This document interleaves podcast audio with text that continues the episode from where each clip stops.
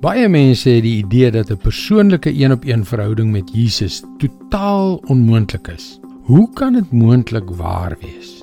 As elkeen van die 2 miljard Christene op die planeet 'n persoonlike verhouding met Hom sou wou hê, hoe sou hy die kapasiteit daarvoor hê?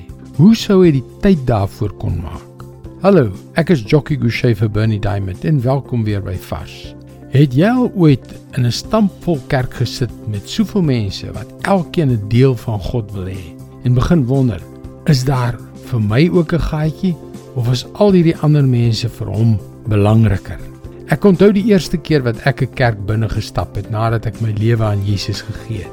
Dit was net 'n gemeente van ongeveer 30 mense en tog onthou ek dat ek so geïntimideerd gevoel het.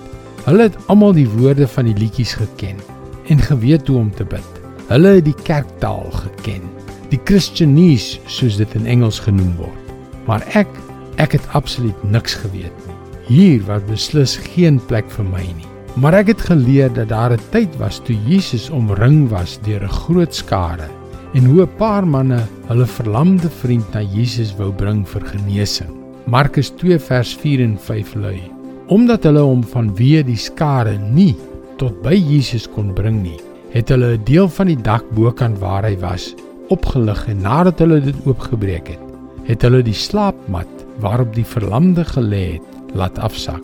Toe Jesus hulle geloof sien, sê hy vir die verlamde man: "Kind, jou sondes word vergewe."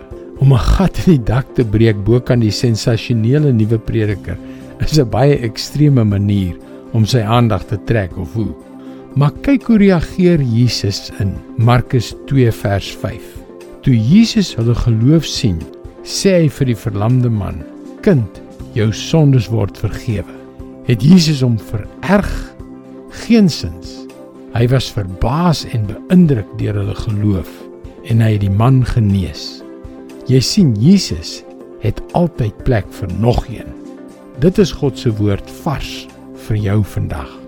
Dit is so 'n eenvoudige verhaal, maar dit het 'n lewensveranderende boodskap. Dit is my passie om te sien hoe God se woord jou lewe verander en jou help om alles te word wat hy vir jou bestem het.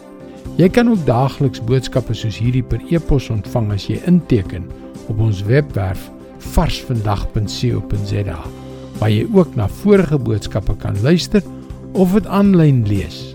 Luister weer môre na jou gunstelingstasie vir nog 'n boodskap van Bernie Diamond. Seënwense en mooi loop.